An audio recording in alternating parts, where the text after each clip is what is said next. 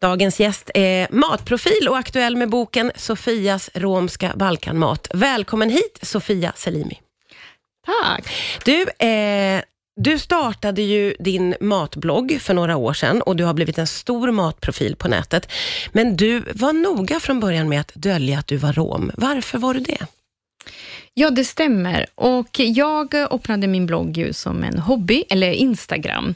Eh, och jag var alltid jätterädd att eh, någon ska ta reda på att jag var rom. Vilket Ja. jag har dölt på mina arbetsplatser till exempel. Och att vara offentligt, på grund av diskriminering, så har jag valt att hålla det hemligt. Vilket det låter, det låter sorgligt och hemskt att göra det, men det var ju någonting som jag ville sprida, bara matglädje Mm. och ville inte ta så mycket hat som jag gör nu till exempel. Nej, nej, du har fått... Jag har fått Ja. och jag får det dagligen. För eh, den här kokboken är väldigt speciell, för det, det finns eh, en helt för mig ny matkultur, jättehärliga recept, men du delar också med dig väldigt mycket av din egen historia och när man läser den så eh, kan man till viss del förstå varför du har gjort som du gjorde. Du och din familj fick ju fly när du var liten. Vad var det som hände då? Ja, ja men det var ju... Eh, 1999 så var det oroligt i mm, Serbien och Kosovo. Och Då var vi romer som var första utslängda liksom från den by som vi bodde. Och eh, Då har vi liksom varit på flykt i över tre, fyra år liksom, utan tak över huvudet. Och mina föräldrar gjorde allt i sin makt för att kunna liksom, ta oss därifrån och hitta ett bättre framtid för då mig och mina tre syskon. Ja, hur Och- gammal var du då? Jag, när vi flydde ur krig, jag skulle fylla 12 det året, Ja. så flykten till Sverige, då var jag 15. Ja. Och Vad minns du av eh, dina första intryck av Sverige när du kom hit, eller när ni fick komma hit? Alltså det var ju fantastiskt att få komma och duscha hur länge man vill. Åh, Det var ju liksom en lycka att få se mina syskon äta hur mycket de ville. För att det var ju också någonting som vi, vi tog inte för givet maten. Det var ju Nej. någonting som mamma och pappa liksom eh, tog det, ja men tänka bara för dagen. Vad ska Ja. vi äta idag? Det var inte så överlevnad bara. Överlevnad, Ja, precis. Men det var inte lätt att komma in i samhället. Att liksom, ja, men tänkte det själv, jag skulle bli 16 det året och ja, med massa liksom, ja, det var mycket som har hänt i kroppen just Mm. den tiden. Ja, ja, ja. Så jag har haft också en tuff start. Ja, ja, jag förstår. Men hur har allt det här påverkat dig som person, skulle du säga? Jag har blivit den jag är idag. Så jag är så tacksam för det, allt som har hänt egentligen. För hade det inte hänt, liksom, så skulle jag inte blivit den här människa jag är idag. Mm. För det är ju det här att när man har varit liksom utanförskap och diskriminerat hela sin uppväxt och barndom, så till slut tror man själv att man ja, men det är kanske något fel på mig och min familj. Mm. Varför, är vi, varför gillar inte majoriteten oss? Ja. Så till slut börjar man tveka på sig själv. ja. Men har du kunnat vända det nu idag? Kan du känna att du liksom inte längre tvekar på dig själv? Absolut inte. Nu är jag liksom så här jätteglad att jag fick möjligheten att eh, dela den här boken med mig och eh, att få dela även min historia i boken, vilket det gör mig jätte, jätteglad. Jag tror nog mat och musik alltid förenar oss människor. Ja, ja, men så är det verkligen. Mm. Och Vi ska gå in på att prata om maten. Det är liksom vattnas i min mun när jag bläddrar i boken. Vi ska prata vidare strax här på Rix FM. Det är Sofia Salimi som gästar, aktuell med boken Sofias romska balkanmat. Det är en jättefin bok. Jag gillar den av två anledningar. Dels när man bläddrar i den så verkar nästan allting väldigt gott. Och jag som inte är så jättebra i köket upplever också att det här är någonting som jag skulle kunna klara. För det, många av recepten är inte så himla svåra heller. Hur tänkte du när du satte ihop den här boken med recept? Ja, men alltså, som du säger exakt så, att det är inte så svårt att laga balkanmat.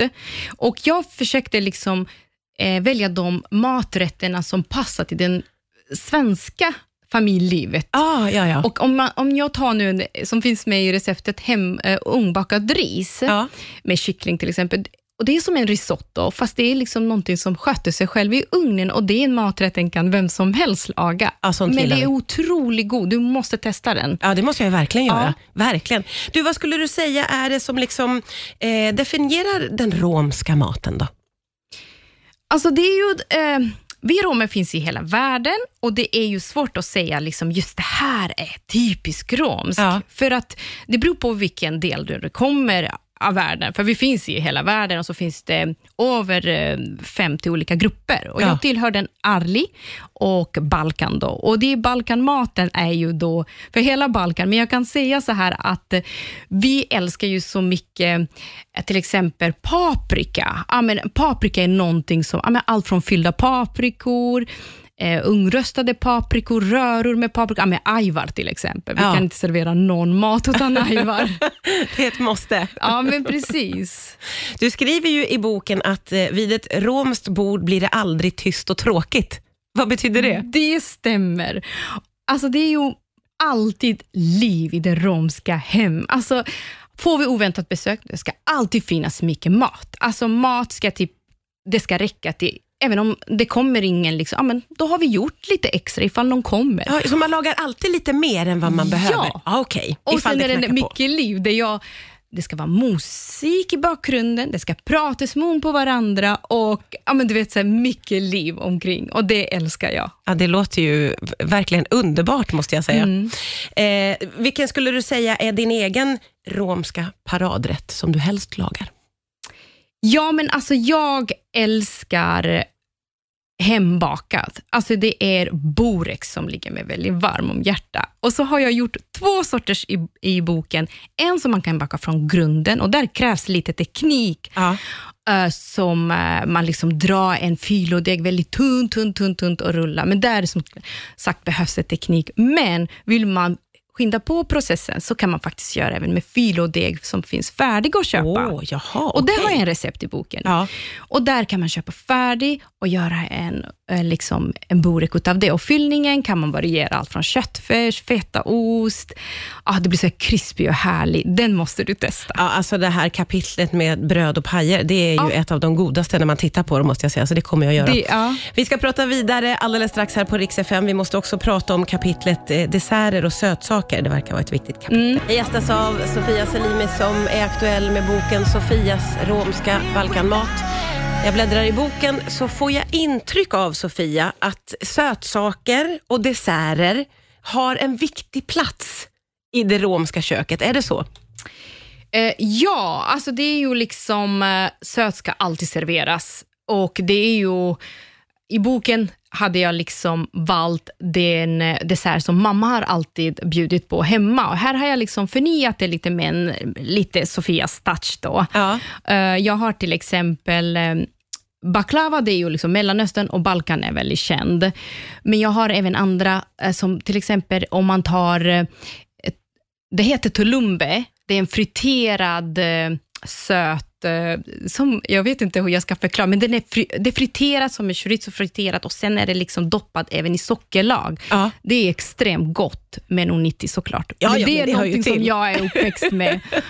Så det är, eh, är jättegott och sen har jag även lite annat smått och gott. Jag har till exempel tårta, Mm. eh, som är någonting som... Eh, valnötter däremot, mycket ska vara i den eh, balkanska romska köket. Ja, ja, ja. Ja. det, jag har en recept där som är extremt gott. Och är det viktigt att liksom fira mycket med mat i, det romska, i den romska kulturen? Ja, nej men mat, mat och musik är ju någonting som är väldigt nära hjärtat. Alltså, för att grejen är så här att vi är oftast begränsat till saker och ting. Jag menar, alltså, det pratas ju så mycket negativt om romer, men när det kommer till mat och musik, där är vi accepterade. Du, eh, vad vill du att man ska få med sig när man har läst din bok eller bläddrat i den?